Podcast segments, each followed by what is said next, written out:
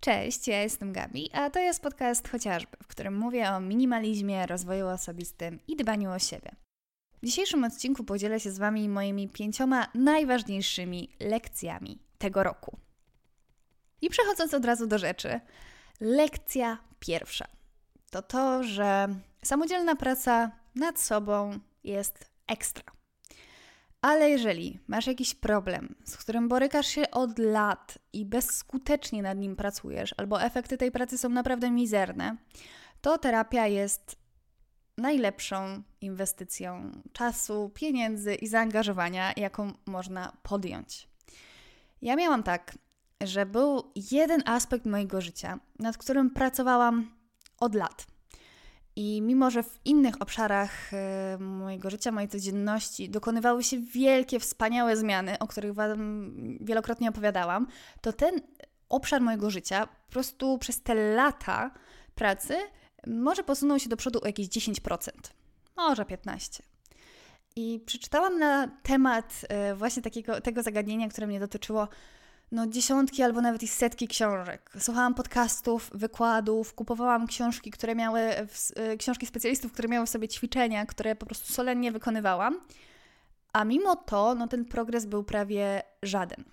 I to był taki problem, który wpływał na to, że po prostu trochę mi przykrzał życie. Mogę powiedzieć w ten sposób, że było mi trudniej w wielu sytuacjach niż mogłoby być. Nie rozumiałam swoich zachowań właśnie w tym e, obszarze życia i tak mówię trochę tajemniczo, bo jeszcze chyba nie jestem gotowa na to, żeby mówić o tym tak wprost, czego to dotyczyło. To nie jest jakiś wstydliwy temat, ale po prostu chyba to jest na tyle jeszcze takie świeże, że dopiero kiedy będę czuła, że e, już tutaj mam taką zbroję, że to nie jest jeszcze mój taki miękki brzuszek, to będę Wam e, o tym mówić głośniej. No ale w każdym razie ten obszar, no nie udało, nie udawało mi się osiągać jakichś y, efektów, mimo bardzo po prostu wytężonej pracy nad tym. I moją tak naprawdę ostatnią nadzieją w tym zakresie była terapia. I powiem Wam, że ode mnie wymagało dużo takiego schowania dumy do kieszeni. I to nie dlatego, że ja się. Ja, ja, ogólnie zawsze chciałam iść na terapię, tylko że to była jakaś taka rzecz, która się wydawała bardzo prosta do, do rozwiązania, a ja nie byłam w stanie i musiałam pójść i przyznać, że mimo tej swojej właśnie pracy nad sobą i nawet, nie wiem, to, to że ja prowadzę podcast właśnie o, o, o zmianach w życiu, to że mam jakiś obszar, z którym sobie nie radzę. I to było dla mnie trudne, żeby w ogóle to przyznać, żeby y, stwierdzić, że ktoś sobie por może poradzić z moim problemem lepiej niż ja sama. Szczególnie, że no właśnie miałam siebie za osobę taką samoświadomą, nawet nadmiernie się analizującą i to oczywiście podczas terapii wyszło bardzo szybko, ponieważ ja miałam przeanalizowane wzdłuż i wszerz swoje zachowania i tak dalej, e, i swoje myśli i, i wszystko, co się działo właśnie w kontekście e, te, tego, tego obszaru, a okazało się, że byłam zupełnie ślepa na na to, co ja sobie właśnie myślałam, jakie schematy myślowe się odgrywały podświadomie, bo to były tak jakieś kluczowe moje przekonania na temat siebie, świata i tego, jak na mnie świat reaguje, że, mm, że ja w ogóle tego nie dostrzegałam. No i przez pół roku terapii, bo moja terapia się już zakończyła, e, przez pół roku zrobiłam progres w tym obszarze o jakieś 80%. I to cały czas się potęguje, cały czas to procentuje i teraz jestem trzy miesiące po zakończeniu terapii i mam wrażenie, że dopiero tak w pełni widzę jej efekty, bo nauczyłam się różnych takich um, właśnie reakcji na moje myśli um, właśnie z tamtego obszaru i, i nauczyłam się radzić z nimi w pełni i czuję się jakbym po prostu zaczęła nowe życie, jeżeli o to chodzi i że byłam w jakimś po prostu jakiejś klatce swoich przekonań przez tyle lat, a teraz no, okazuje się, że te drzwi w tej klatce były otwarte, tylko że ja nie byłam w stanie ich w ogóle zlokalizować, żeby z nich wyjść. No i dla mnie terapia była, mm, była męcząca, była irytująca. Strasznie mnie irytowała. I to nie dlatego, że coś z moją terapeutką było nie tak, bo ona była e, spoko, tylko sam ten fakt grzebania mi akurat w tym, w tym obszarze, który mnie tak drażnił, który od lat gdzieś tam jednocześnie nad nim pracowałam, a z drugiej strony chyba nigdy nie chciałam wejść tak do końca głęboko e, w niego, bo musiałabym się wtedy zderzyć z różnymi przekonaniami na swój temat, które właśnie wyszły podczas, podczas terapii. No i dla mnie właśnie chyba kiedyś wpadłam na to, mm, na to porównanie i bardzo do mnie przemówiło. Tak mi się wydaje, że gdzieś na to wpadłam, że terapia jest trochę tak jakby kiedyś mielibyśmy złamaną nogę i ona jakoś tam by się zrosła, no i jakoś tam byśmy chodzili, czasem by nas bolała, bo nie byłaby idealnie zrośnięta, jakoś ogarnęlibyśmy to życie, ja miałam taką właśnie sytuację, ogarnialibyśmy to życie, dawalibyśmy sobie radę, ale czasem by nam to um, bardzo doskwierało, ograniczało nas w różnych możliwościach.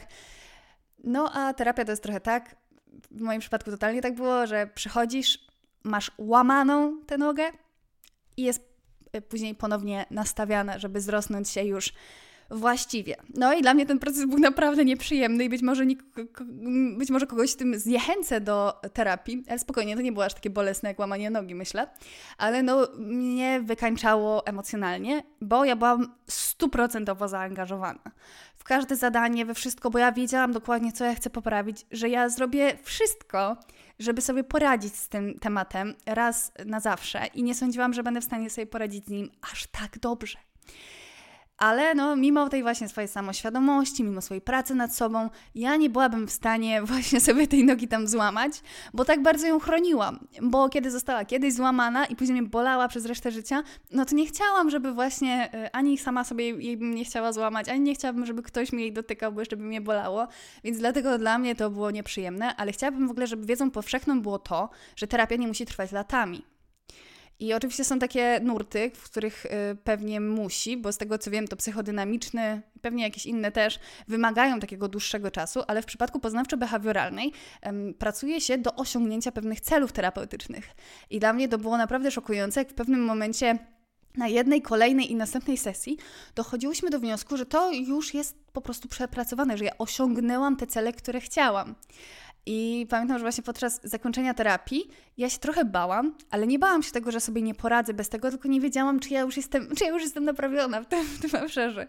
Yy, oczywiście sobie żartuję, bo to nie chodzi o to, że byłam tam zepsuta, tylko że yy, no, czy na pewno to już jest stała zmiana. I okazało się, że ja największe efekty odczułam po zakończeniu terapii. W momencie, kiedy byłam w stanie na przykład wychwycić tę myśl, która mi się pojawiała w jakiejś sytuacji, taką, która była już tak automatyczna, że ja nawet kiedy pracowałam e, podczas swoich różnych takich właśnie samorozwojowych praktyk psychologicznych, kiedy sobie wychwytywałam jakieś myśli automatyczne, to ja tych nie zauważałam, bo to były na mnie, dla mnie na tyle stresujące sytuacje, że mi się wydawało, że to się wszystko dzieje naraz, no nie? Że dzieje się myśl, dzieje się moje zachowanie, dzieje się moja emocja i moja reakcja. I dopiero właśnie terapia pozwoliła mi to przystopować i takie najmniejsze, najprostsze sytuacje rozłożyć na części pierwsze, no i to było dla mnie naprawdę szokujące, że, no, że w pół roku można było zrobić taki progres. Taki progres, który ja przez 20 lat yy, nie zrobiłam nawet w jednej dziesiątej. Także nie dość, że to była gigantyczna oszczędność czasu, to no tak jak wspomniałam, dla mnie to nie było przyjemne. Dla mnie to było od samego początku, no dlatego, że ja miałam bardzo dużo takich innych rzeczy przerobionych i ja przyszłam już z takim założeniem, że ja powiem całą prawdę, że ja nie będę już się maskować, to było dla mnie bardzo trudne, ale że to mm, moja terapeutka też zwróciła na to uwagę, że to było bardzo przyspieszające terapię, dlatego że ja właśnie nie, ja dokładnie wiedziałam, po co tam jestem, że ja współpracuję z terapeutką, że ja chcę mm, dojść do, do sedna, e, do sedna tego problemu i go rozwiązać, a nie tak gdzieś krążyć w oku. I też szanuję swoje pieniądze. to też miało zdecydowanie na to wpływ. W każdym razie, no to było coś niebywałego, że mogłam zrobić aż taką rewolucję w swojej głowie poprzez właśnie włożenie sobie gdzieś tam kija w niektóre moje, e, w moje e, schematy, których po prostu nie dostrzegałam. Także ja Wam serdecznie polecam, jeżeli nawet nie musicie mieć żadnych takich konkretnych problemów, ani zaburzeń, ani ni niczego takiego, ale jeżeli jest coś, co Wam po prostu uprzykrza życie, że nawet Wasze jakieś zachowanie, które się pojawia w jakichś sytuacjach, coś, co nawet no na przykład mi nikt na to nigdy nie zwracał uwagi, no nie? Większość w ogóle ludzi, z którymi miałam do czynienia, nigdy w ogóle nie wiedziało, co się działo, nie wiedziało, co się dzieje w mojej głowie na przykład w różnych sytuacjach um, i jak bardzo na przykład muszę się czasem męczyć na przykład z lękiem moje środowisko mi nie dawało znać, że coś powinnam z tym zrobić, ani to nie było coś, co e, naprawdę wymagałoby, mm, wymagałoby jakiejś takiej pomocy, bo ja na przykład na studiach miałam problemy z zaburzeniami lękowymi, które leczyłam w ogóle farmaceutykami i też e, z zaburzeniami depresyjnymi, ale to było lata temu i to dotyczyło innych, w dużej mierze innych kwestii. A teraz się okazało, że miałam jakieś takie pozostałości, które były po prostu pozostałościami myślowymi, których ja już nie chciałam farmaceutycznie w ogóle leczyć, tylko chciałam je przepracować. I okazało się, że no, udało się, że, że zrobiłam to, że przepracowałam, że z tym pełnym zaangażowaniem.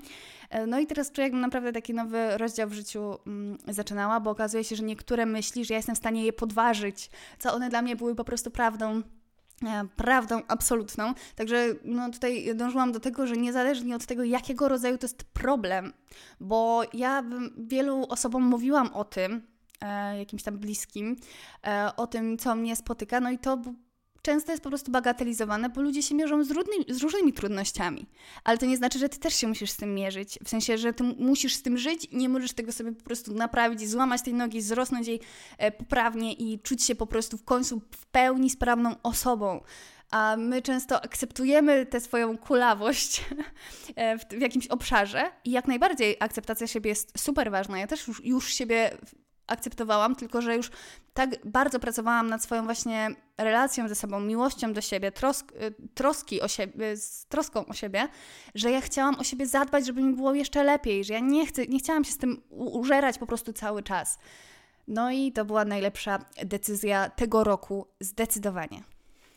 Drugą lekcją tego roku, która już pokazała mi się po prostu tak dobitnie, bo wcześniej cały czas coś takiego mi się sygnalizowało w głowie, ale ten rok pokazał mi to w pełnej krasie, że zdrowy styl życia jest dla mnie kluczowy, jeżeli chodzi o dobre samopoczucie. I mimo, że jest wymagający, że po prostu życie w takim trybie, gdzie rzeczywiście dbasz o zbilansowane posiłki, gdzie dbasz o aktywność fizyczną, o dbanie też o taką swoją higienę psychiczną, o higienę snu, to bywa bardzo wymagające. I na przykład w kontekście w ogóle terapii, to miałam momenty, kiedy byłam tak wydrenowana emocjonalnie podczas terapii, że odpuszczałam sobie po prostu wszystkie angażujące projekty, jakieś takie zaczynanie jakichkolwiek nowych rzeczy. Wtedy też bardzo często właśnie zaniedbywałam zdrowe nawyki. I oczywiście to są takie sytuacje, które na przykład właśnie są dla nas bardzo obciążające psychicznie, że jak najbardziej powinniśmy sobie odpuszczać wtedy jakąś taką samodyscyplinę, bo nie mamy do tego zasobów. To jest jak najbardziej zrozumiałe zrozumiałe. Ale te sytuacje pokazały mi dobitnie, jak bardzo dbanie o swoją witalność wpływa na moje samopoczucie. Kiedy właśnie przeglądałam sobie dziennik z tego roku, to za każdym razem, gdy wracałam właśnie chociażby po jakiejś przerwie, nawet krótkiej, ale kiedy wracałam do tego zdrowego e, stylu życia, do regularnych ćwiczeń, do zbilansowanego odżywiania, kiedy miałam nawet jakiś taki, jakąś wywrotkę i kiedy chciałam tylko leżeć pod kocem na przykład przez tydzień po terapii, bo no miałam takie momenty, nie dzieliłam się z tym za bardzo, bo to było dla mnie bardzo takie intymne wtedy e, przeżycia, no ale ja dosyć ciężko przeżywałam, e, przeżywałam terapię, mimo że ja nie poruszałam jakichś takich bardzo trudnych emocjonalnie tam rzeczy, ale czułam się chyba po prostu taka taka naga, nie? E, kiedy obdzieraliśmy mnie e, z tych moich przekonań niektórych na, na swój temat. I to mnie tak właśnie wymęczało, że nie byłam w stanie do niczego się praktycznie zmobilizować i byłam na takim swoim planie minimum. No i w momencie, kiedy już odpuszczałam sobie wszystko i właśnie leżałam tylko pod tym kocem mm, i siedziałam na telefonie czy coś tam, to kiedy wracałam do y, swojego zdrowego stylu życia, to za każdym razem w zeszycie pisałam i to tam czasem nawet, jak ja piszę wszystko zawsze na czarno, a tam pisałam po prostu czerwonymi literami. Specjalnie sobie brałam czerwony marker i pisałam o tym, jak wspaniale się czuję i jak bardzo to jest nie do podrobienia, to właśnie poczucie po treningu, po, po, jakimś, po właśnie po jakimś bieganiu, po zdrowym odżywianiu, po dosłownie paru dniach już powrotu. Ja tak miałam, że po, właściwie po tym jednym treningu, po powrocie właśnie do, do biegania, do jakiegoś treningu cardio, który u mnie działa świetnie po prostu na samopoczucie w momencie, kiedy ja przez pół godziny mam wyższe tętno, to ja się czuję jakbym mogła zdobywać później świat i w ogóle ostatnio wróciłam do książki Siła nawyku Charlesa Duhiga i tak sobie wracałam właśnie tam do um, analizowania tych pętli nawykowych i tak dalej. I tam zrozumiałam właśnie, na czym to polegał ten przełom u mnie, na przykład w kontekście zdrowego e, stylu życia, że w momencie, kiedy mój mózg zaczął antycypować nagrodę, czyli zacząć y, traktować właśnie to przyjemne uczucie później jako coś, do czego dążymy, no to, to jest dużo łatwiejsze właśnie po, e, po jakimś czasie, mimo że właśnie mi było za każdym razem, wiecie, trudno się zmobilizować, bo to wciąż jest w jakiś sposób trudne, ale to jest nic w porównaniu do tego, kiedy było, mm, jakie było na początku, kiedy ja zaczynałam jakieś tam e, podrygi do zdrowego stylu życia, do ćwiczeń i tak dalej, no to wtedy to wymagało ode mnie jakiejś takiej monstrualnej siły woli, no i tak to jest na początku, ale później z czasem, kiedy właśnie mózg jest w stanie sobie E, wyantycypować tę nagrodę, traktować ją jako coś, do czego dążymy, jest, to wtedy jesteśmy w stanie trochę zignorować, um, może zignorować to jest za duże słowo, ale trochę zmniejszyć ciężar tego podjętego wysiłku, bo tak bardzo dążymy do tego samopoczucia. I ja przez ostatni rok właśnie ciągle tylko miałam te zapiski o tym, jak się cudownie czuję, kiedy zadbam o, o tę swoją witalność, o ruch, o e, zdrowe odżywianie. I tak wracałam, wracałam i te przerwy były coraz krótsze, aż e, teraz to nawet kiedy miałam jakieś taki, taką przerwę na trzy dni, cztery podczas urlopu, to już po prostu z podkulonym ogonem wracałam do, do tego trybu życia, bo czuję się wtedy wspaniale. Wtedy chce mi się żyć, chce mi się działać, chce mi się rano wstawać i nawet wtedy po prostu ja się regularnie wzruszam tym, jak bardzo lubię życie, bo tak dobrze to na mnie wpływa. A jeżeli zaniedbuję to właśnie dbanie o swoją witalność, to wtedy się z, z dnia na dzień i to dosyć szybko przechodzi, staczam się do takiego, do takiej niechęci do wszystkiego. Tracę w ogóle motywację do czegokolwiek, nawet nie do właśnie takich rzeczy, tylko do e, w ogóle, nie wiem, nawet pisania, do czytania, do robienia jakichkolwiek, nawet najmniej wymagających rzeczy. Wtedy to mam ochotę tylko przeglądać po prostu TikToka i przychodzi do mnie takie ponuractwo i też coś takiego bardzo niepokojącego, co właśnie zauważyłam, że takie poszukiwanie negatywnych emocji wiecie, jakiś dram w internecie, że wtedy mi się chce czytać takie rzeczy, chce mi się takie rzeczy oglądać i tak jakby mnie napędza ta, ta negatywna energia i to jest straszne. Ja nie znoszę być taki, e, w takim miejscu. I oczywiście, kiedy na przykład właśnie mam jakąś trudną emocjonalnie sytuację, tak jak w moim przypadku to było czasem e, właśnie po sesji terapeutycznej, no to ja sobie na to pozwalam, no nie? Ja się wtedy opiekuję sobą po prostu jak dzidziusiem i sobie pozwalam na to, ale wiem wtedy, że ja chcę jak najszybciej, jak mi tylko moje zasoby pozwolą, wrócić do tamtego stylu życia, bo ja wtedy się po prostu uwielbiam. uwielbiam siebie samą w momencie, kiedy dbam o to, bo um, czuję się wtedy świetnie psychicznie, fizycznie i właśnie ta moja relacja ze sobą wtedy jest taka Mm, pełne takiego kibicowania sobie, że ja to tak uwielbiam, że nieważne ile poćwiczę, jak poćwiczę, jaki jest ten trening, to ja później sobie patrzę w lustro na przykład na siłowni i myślę sobie, że ale jesteś kozak, ale jesteś super, że o mnie dbasz, do siebie, no nie?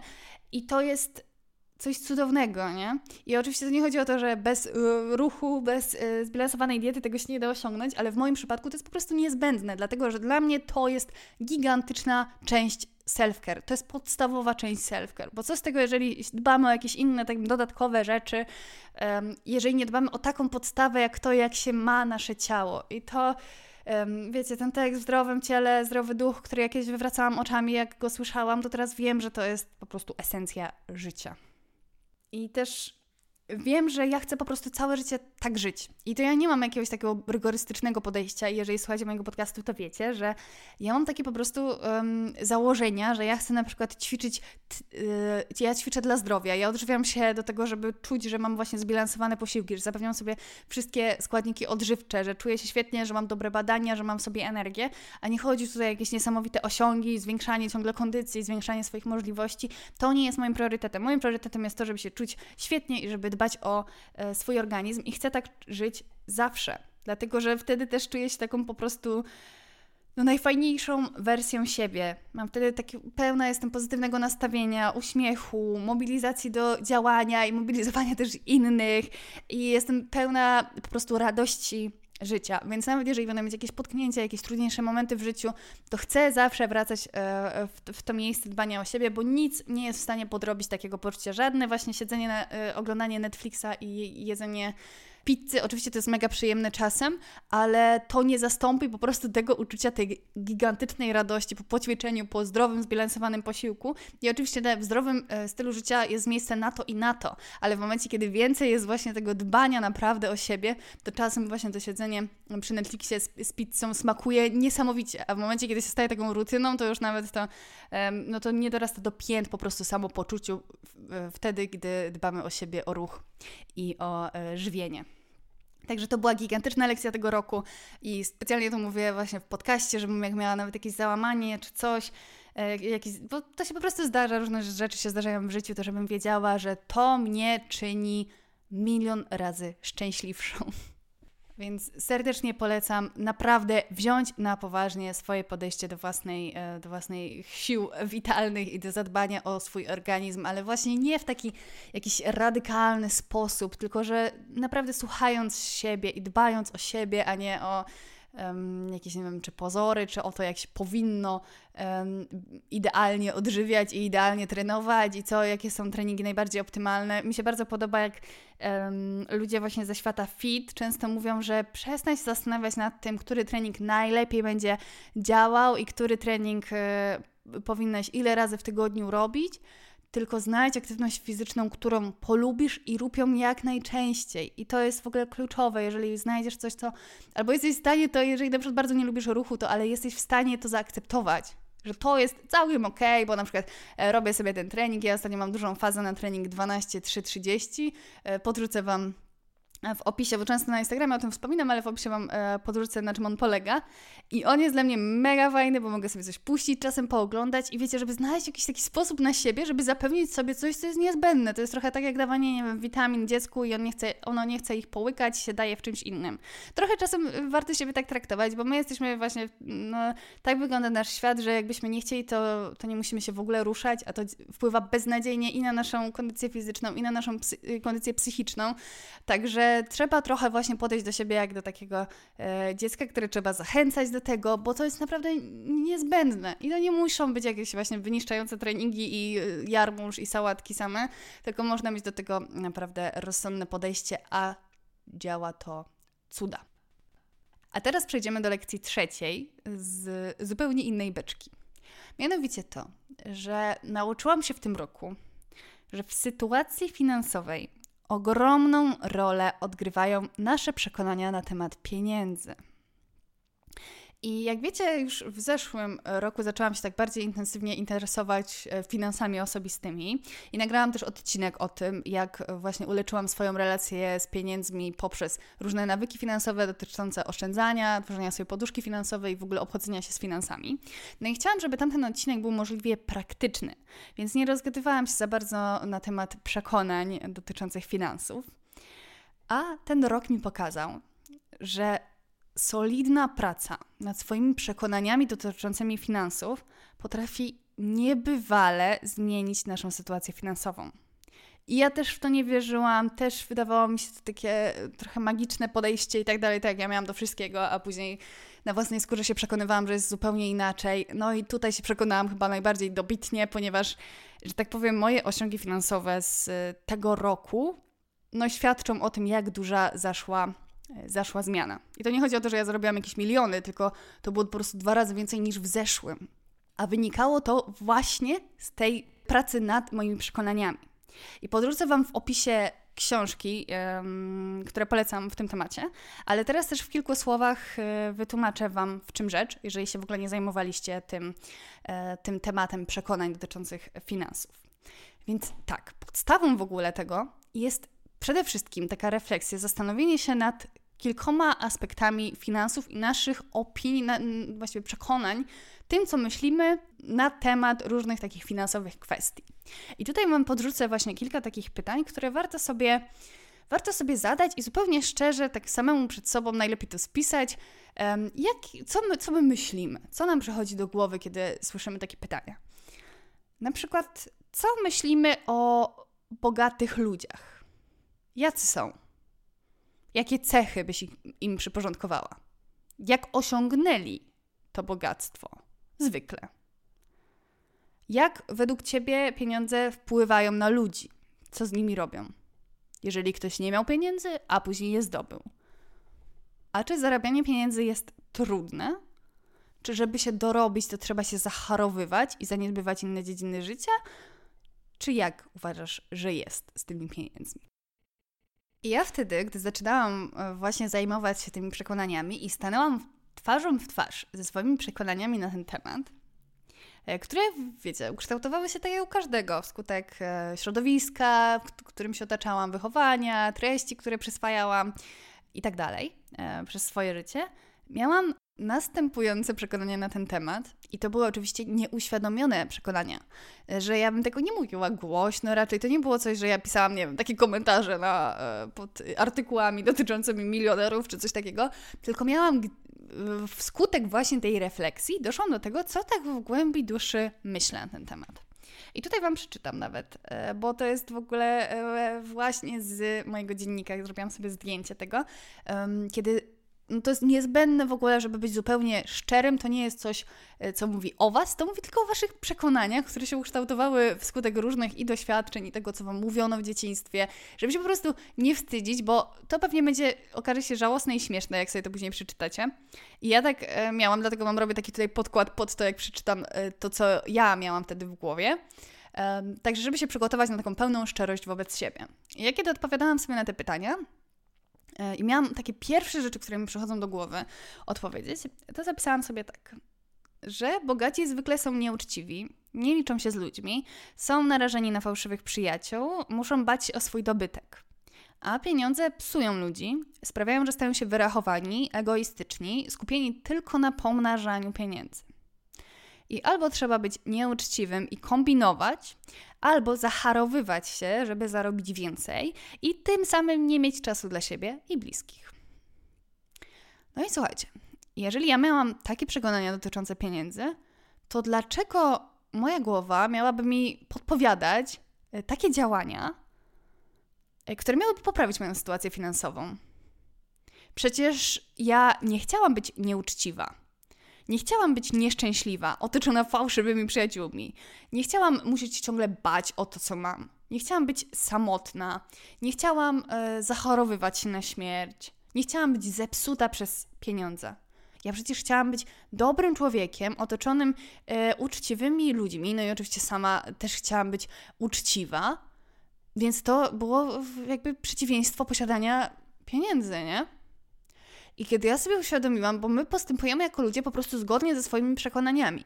I to najczęściej też tymi właśnie, które nie są nam do końca uświadomione. I dopiero wtedy, kiedy zaczynamy analizować swoje zachowania, to właśnie dochodzi do tego, że my coś uważamy bardzo, bardzo głęboko. To jest nasze przekonanie dotyczące tego.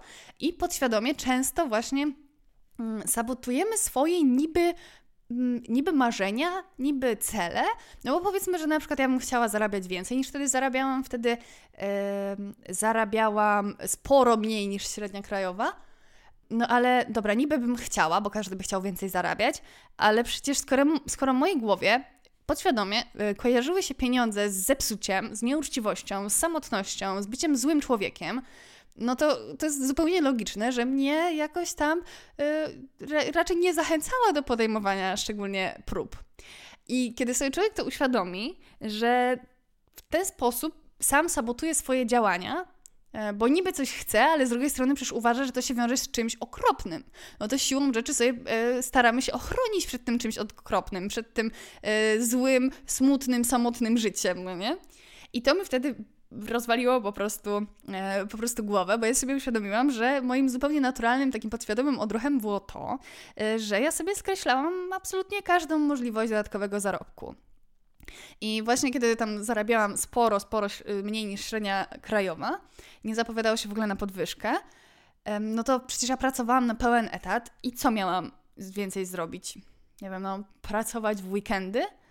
To było dla mnie takie jeszcze strasznie nieatrakcyjne, bo co, już miałabym w ogóle nie mieć czasu dla siebie?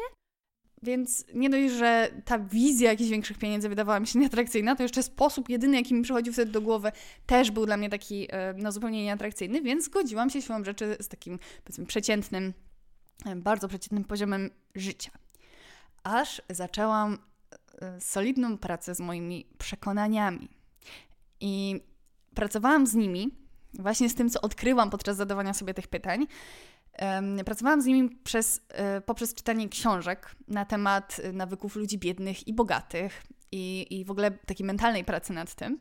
E, podrzucę Wam, tak jak wspomniałam w opisie, tytuły, które polecam. Tworzyłam też, bo generalnie z przekonaniami powinno się wie, według wielu specjalistów pracować tak, że nie grzebiemy w tym starym, Czyli nie jest tak, że ja nagle sobie mówię, że no zwykle są nieuczciwi, ale czasem się zdarzają uczciwi, e, co oczywiście jest prawdą, no bo i są tacy, i są tacy, ale chodzi o w tym tworzeniu pracy nad przekonaniami, e, przynajmniej no, wiele specjalistów się za tym opowiada, żeby tworzyć sobie nowe, czyli na przykład e, bogaci ludzie mogą robić dużo dobra. I to też jest oczywiście prawda, to nie jest oszukiwanie siebie, tylko to jest właśnie inna perspektywa i wyszukiwanie sobie mm, po prostu potwierdzeń w rzeczywistości tej tezy, no nie? Tak samo, że pieniądze można zarabiać z przyjemnością. I kiedy my potwier- szukamy potwierdzeń tej tezy, bo w ogóle nasz mózg uwielbia szukać sobie potwierdzeń tego, co zaczyna uważać um, i to nas właśnie może prowadzić albo na manowce, albo po prostu na szczyt Także um, kiedy ja zaczynałam sobie takie rzeczy w ogóle wkładać do głowy, to też coraz częściej na przykład słuchałam ludzi, którzy okazywało się, że zarabiają z tego, co lubią. Oczywiście to nie jest tak, że jak się zarabia z tego, co lubi, to się w ogóle nie trzeba pracować, czy coś takiego, e, czy inne takie hasła powtarzane, bo to nie, nie, nie o to chodzi, ale że nagle się okazywało, że kurczę, słucham y, jakiejś laski, która mówi, że, zarab- że pracuje parę godzin dziennie, zarabia świetnie, no i że da się. I to nie chodzi mi o takich ludzi, którzy, wiecie, przekonują was do jakiegoś biznesu online i każą wchodzić na swoje e, webinary i później wciągają was w jakieś MLM-y czy coś. Nie, nie o to mi w ogóle chodzi, tylko chodzi mi o takich fajnych, normalnych podcasterów, który, którzy na ten temat opowiadali. I okazywało się, że kurczę, no to jest możliwe. Oczywiście to nie jest częste, ale to jest możliwe. Istnieje taka droga też zarobku, że to nie jest tak, że albo trzeba być lekarzem, programistą, albo, um, albo nie wiem, wyjechać gdzieś za granicę, że są też inne chyba opcje zarabiania i to zarabiania z tego, e, co się lubi. I kiedy zaczynałam sobie pielęgnować takie, e, takie, takie myśli, ale największą tutaj rolę odgrywało oczywiście, znaczy oczywiście, no nie wiem czy oczywiście, afirmacje. Afirmacje dotyczące, zawsze mnie bawi to słowo w języku polskim, obfitości. Tego właśnie, że generalnie nam e, to wszystko sprzyja, że zarabianie pieniędzy przychodzi nam z łatwością. Są przeróżne takie afirmacje na Spotify. I ja na początku byłam i które sobie znajdziecie oczywiście w internecie i sami sobie możecie stworzyć na temat tego, jak łatwo Wam przychodzi e, zarabianie pieniędzy, e, jak Wasze umiejętności są cenione na rynku pracy i tak dalej, przeróżne. I ja też byłam super sceptycznie do tego nastawiona, to mi się wydawało takie śmieszne, żałosne i tak dalej, pewnie tak jak Ty masz teraz, jeżeli jesteś właśnie sceptykiem. Ale okazało się, że na przykład medytacja z takimi afirmacjami. Kiedyś po prostu jakby ktoś mi powiedział dwa lata temu, to bym, to bym obśmiała, że będę robić jakieś medytacje obfitości, a robiłam w tym roku i to dało niesamowite po prostu efekty. Robiłam to regularnie, zmieniłam sobie kompletnie, to było najważniejsze w tych wszystkich elementach, e, tylko oczywiście potrzebowałam takich podstaw merytorycznych, jakimi były właśnie czytanie, jakim było czytanie książek na ten temat, ale i słuchanie też osób, które w, tej, w tym temacie się wypowiadały. Mm, ale pielęgnowanie sobie w głowie tych zupełnie, nowy, zupełnie nowego podejścia do pieniędzy, no odmieniło kompletnie moją tak naprawdę sytuację finansową i to, jakie możliwości zaczynałam dostrzegać. Na przykład to, że ja myślę, że dosłownie po miesiącu zaczynało to przynosić rezultaty. Uwierzyłam na przykład, że mam podstawy do wniosku o podwyżkę i na nią zasługuję, mimo że były ciągle informacje o tym, że w naszej firmie gorzej się dzieje, tutaj gdzie jestem na etat. Ale uważałam, że ja na to zasługuję. Podwyżkę yy, wystąpiłam o to, chociaż ludzie się śmiali, że nic z tego nie będzie i dostałam podwyżkę. Uwierzyłam, dzięki właśnie tej medytacji, afirmacjom i, i, i, działaniu z tym tematem, z moimi przekonaniami, uwierzyłam, że jestem w stanie samodzielnie stworzyć produkt cyfrowy, pisząc o temacie, czyli mój e-book, pisząc o temacie, który uwielbiam, który mnie fascynuje, ekscytuje, o którym mogłabym gadać godzinami, który po prostu, no uwielbiam się obracać w tym temacie i pisanie go sprawiło mi, oczywiście, że było momentami trudne, tak jak dopinanie każdego projektu, ale sprawiło mi tyle frajdy, satysfakcji i radości, no, że to było coś wspaniałego. No i uwierzyłam w to, że, yy, że mogę na tym zarobić i to fajnie zarobić. Uwierzyłam też, że stać mnie na dobre jedzenie. I to był zdecydowanie najpyszniejszy i najzdrowszy rok w moim życiu. Uwierzyłam też, co najważniejsze, że zasługuję na inwestycje w siebie i nauczyłam się wydawać pieniądze, pieniądze z radością na mój własny rozwój i też moją rozrywkę i kulturę. No i to był naprawdę e, pod tym względem absolutnie niesamowity rok. No i tak Wam wspomniałam, to wszystko otworzyło mi właśnie przede wszystkim po prostu wiarę w to, że mogę sięgać po więcej. I Wiara, moim zdaniem, jest absolutnie najważniejsza w wykonywaniu jakichś kroków w swoim życiu, w sięganiu po rzeczy, które nam się wydają nieosiągalne, bo jak się sprowadzamy na ziemię, że o, gdybym miała zarabiać tyle, ile bym chciała, no to bym, nie wiem, musiała skończyć jakieś inne studia, pójść na inny zawód i tak dalej, i sobie sami obcinamy w ogóle te możliwości, to wszystko się wydaje takie trudne.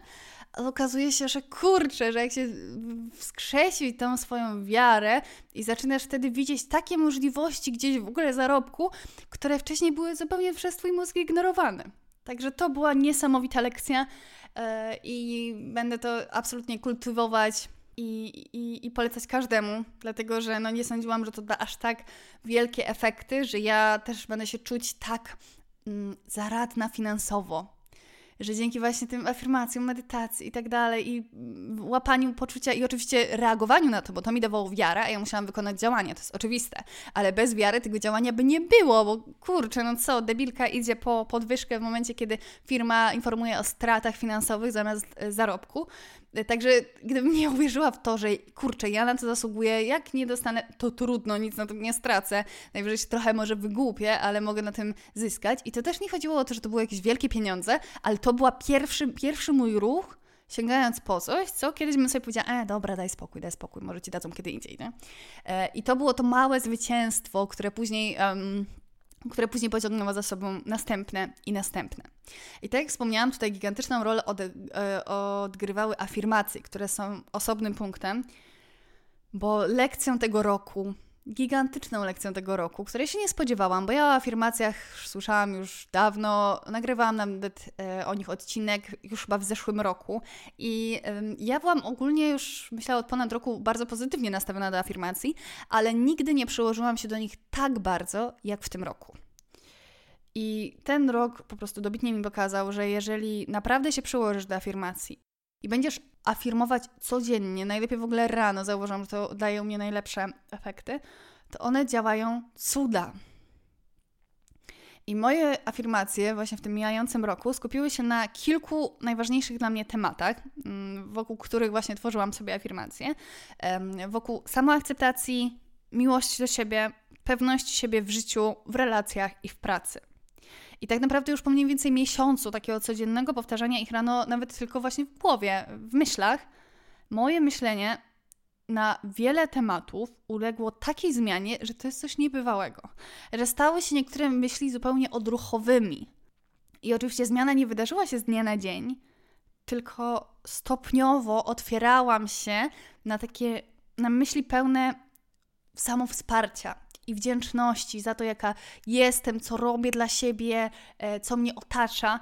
I to było coś absolutnie niesamowitego, jeszcze właśnie afirmacje nasycone wdzięcznością, które się pojawiają codziennie rano sprawiają, że człowiek czuje, że może świat zdobywać. I zawsze, kiedy mówię o afirmacjach, to, mm, to lubię podkreślić to, że to nie chodzi o to, żeby sobie rano codziennie mówić, że jestem super piękna, jestem zwycięzcą, najmądrzejsza na świecie w ogóle, tylko że na przykład mm, mówić sobie, że ze wszystkim sobie dam radę, że dbam o siebie, dbam o, swoje, o, o swój organizm, o swoją głowę, zaopiekuję się sobą, dziękuję za wszystko, co, co dla mnie robisz, kiedy patrzę w lustro i tak sobie myślę, damy ze wszystkim radę i takie różne rzeczy, które działają cuda w ogóle na relacje ze sobą, bo czujesz, że naprawdę masz w sobie takiego kompana, który ci nie podcina nóg, tylko.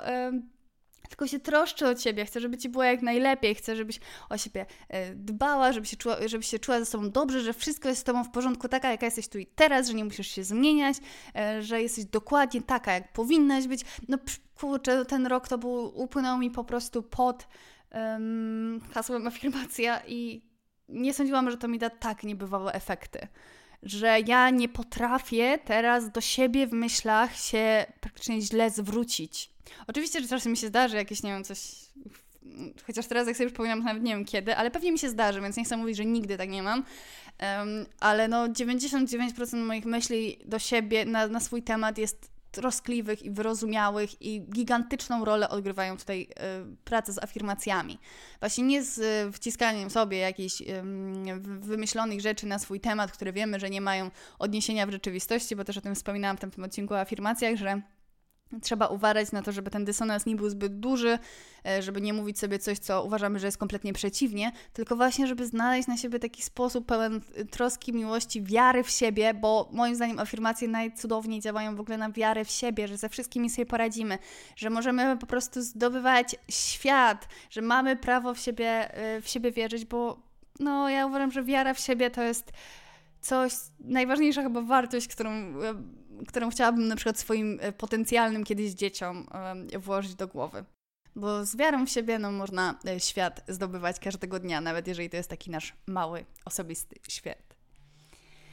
I teraz ostatnia lekcja, o której chciałam dzisiaj wspomnieć, to to, że warto się pogodzić z tym, że wszystko, co zaczynamy robić, jest na początku beznadziejne i ma prawo takie być. I my też mamy prawo być w czymś beznadziejni i początkujący i żałośni. I to jest bardzo uwalniająca lekcja dla mnie. Bo kiedy chcemy coś zacząć robić w życiu, tworzyć jakieś rzeczy, mm, albo próbować jakichś nowych, na przykład dyscyplin, to pozwolenie sobie na bycie początkującym i właśnie trochę żałosnym, nieudolnym jest bezcenną umiejętnością. Bo tak jak Wam kiedyś już wspominałam, ja uwielbiam to powiedzenie, że pierwsza wersja wszystkiego jest gówniana. I żeby sobie to uświadomić, przyjąć i uznać za coś kompletnie odblokowującego, a przynajmniej w jakimś stopniu odblokowującego.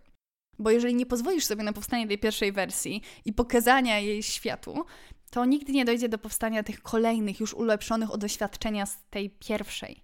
I czekanie, aż będziemy w 100% gotowi, idealni, żeby wtedy się w ogóle dopiero pokazać światu, może nas wykończyć po prostu i sprawić, że nigdy niczego nie doprowadzimy do końca. Bo z czasem, jeżeli cokolwiek zrobisz, doprowadzisz do końca, nawet jeżeli już po momencie, w momencie kończenia uznasz, że mogłabyś zrobić to dużo lepiej, to jeżeli to wypuścisz świat i będziesz próbować dalej, to będziesz robić naturalny, naturalny cały czas progres.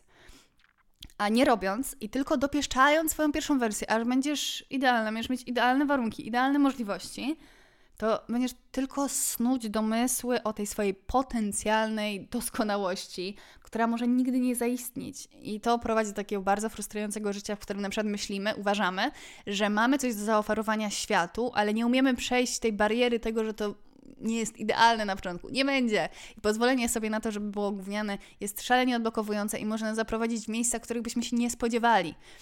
I nawet jeżeli, e, tak z drugiej strony, jeżeli nie chodzi o jakieś e, kreatywne działania, to po prostu warto pozwolić sobie na bycie takim nieopierzonym, niepewnym w nowych sytuacjach. Jeżeli na przykład idziesz pierwszy raz w jakieś miejsce, e, pierwszy raz będziesz coś ćwiczyć, pierwszy raz spróbujesz coś opublikować, to pozwól sobie na to bycie tą zakłopotaną, trochę żałosną, niepewną, robiącą błędy, przestraszoną. Pozwolenie sobie na to to jest life changer. Bo w ogóle jedną z największych lekcji mojej terapii było to, że kiedy ja pozwoliłam sobie się bać, pierwszy raz pozwoliłam sobie po prostu czuć lęk, a nie obawiałam się, że on przyjdzie, a później byłam y, zezłoszczona na siebie strasznie, że przyszedł, to wtedy niemal od razu lęk spadł, nie wiem, o połowę. Bo kiedy zabierasz z siebie taką presję tego, że nie możesz się pomylić, nie możesz się bać, o nie, znowu się boisz, no nie? I znowu jest nakręcające się. Nie możesz też wyjść na jakąś, więc e, po prostu spinasz się w 100%, żeby, e, żeby nie, nie zrobić czegoś, czego byś nie chciała. To nie dość, że ta presja będzie cię po prostu sabotować, to jeszcze w ogóle próbowanie nowych rzeczy będzie czymś strasznym i w końcu zaczniemy ich unikać w ogóle, bo zaczniemy unikać jak, jakichś sytuacji, wystawiania się na jakieś takie mm, na jakieś takie sytuacje, dlatego że będzie nam się to kojarzyć właśnie z, z, taką gigantyczną presją, którą nakładamy sami na siebie, tak jakbyśmy nie mieli prawa w ogóle się bać, e, czuć się zakłopotanym i tak dalej, kiedy innym dajemy to prawo, więc dajmy je też sobie. I jeżeli macie na przykład taki problem, to polecam Wam serdecznie podejście, które mm, opisywał Viktor Frankl i to się nazywa intencja paradoksalna. Czyli kiedy na przykład chcemy, wiemy, że będziemy się bać w jakiejś sytuacji, a oczywiście nie chcemy, nie chcemy się stresować i wyjść na, na głupka i tak dalej, to po prostu sposobem, y, który mi odmienił, odmienił codzienność totalnie, jest to, żeby mieć wtedy w głowie na całego dobra, to teraz się będę bać jak cholera, nie? Teraz się będę tak bać, po prostu tak się będę bać.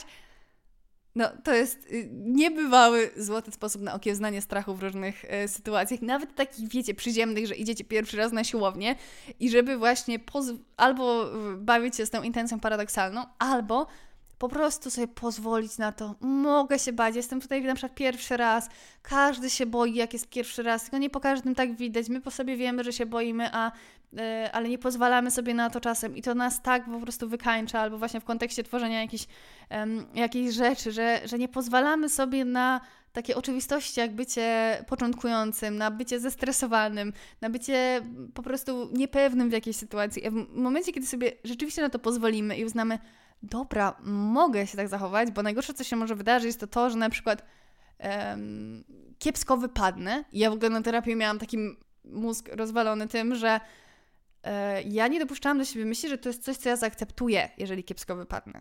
Czyli ja muszę zrobić wszystko, żeby do tego nie dopuścić. Więc to wywierało na mnie taką gigantyczną presję, a ja się na nauczyłam w, w, ramach terapii zaakceptować to, że po prostu czasem źle wypadamy, czasem wypadamy gorzej. I to jest naturalna kolej rzeczy. Może być tak, może być tak.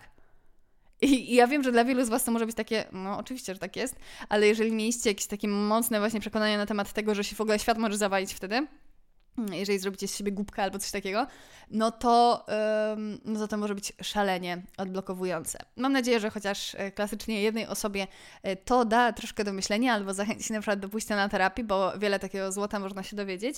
Ym, I mimo, że wiecie, ja czytałam tyle książek na ten temat i tyle rzeczy próbowałam, to niektóre rzeczy dopiero wtedy, kiedy jesteśmy właśnie tak emocjonalnie nagi, rozstrojeni, otwarci z tymi swoimi wszystkimi przekonaniami, a nie tylko sobie czytamy książeczkę pod kocykiem, tylko naprawdę jesteśmy w takiej sytuacji totalnej skupiony na, na pracy nad sobą, z jakąś tak naprawdę obcą osobą, która e, nam w tym grzebie jest specjalistą, no to wtedy e, nagle takie rzeczy, które ja nawet być może, wiecie, trafiałam na nie już wielokrotnie wcześniej i tak dalej, ale nic do mnie nie, w żaden sposób do mnie nie przemawiały, no nie? A w takiej sytuacji mm, nagle sprawiły, że po prostu tory mojego życia się e, przesunęły gdzie indziej i miałam takie, co? To jest takie proste?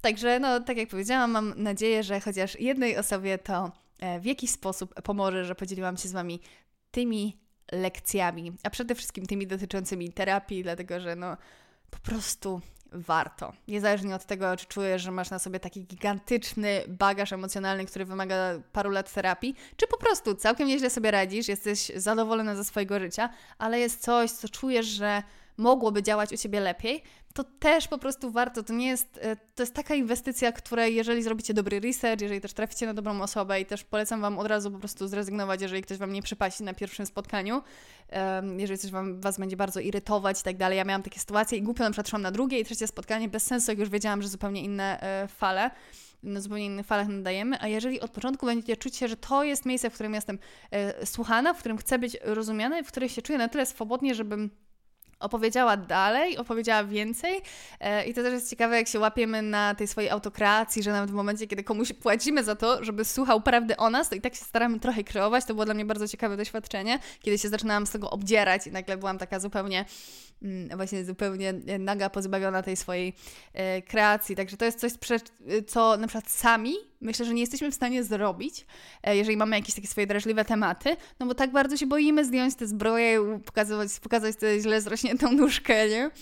Także no serdecznie, serdecznie polecam. Kto wie, ja właśnie myślałam sobie o tym ostatnio, że no ja teraz jestem zachwycona, ale kto wie, czy na przykład nie, dojrze do, nie dojrzeję do jakichś tematów e, w przyszłych latach i coś jeszcze będę chciała w ten sposób przepracować, no bo ta efektywność tej terapii, tego, że oczywiście to był dla mnie bardzo trudny czas, e, może nie, że bardzo, ale był dla mnie trudny i wy, wykańczający emocjonalnie, ale to był tak efektywny, efektywny okres w moim życiu. To widzę, że ta włożona praca o owocuje niebywale, że po prostu jak będę miała kiedyś coś, z czym nie będę mogła się uporać, to to będzie moja pierwsza, pierwsza droga.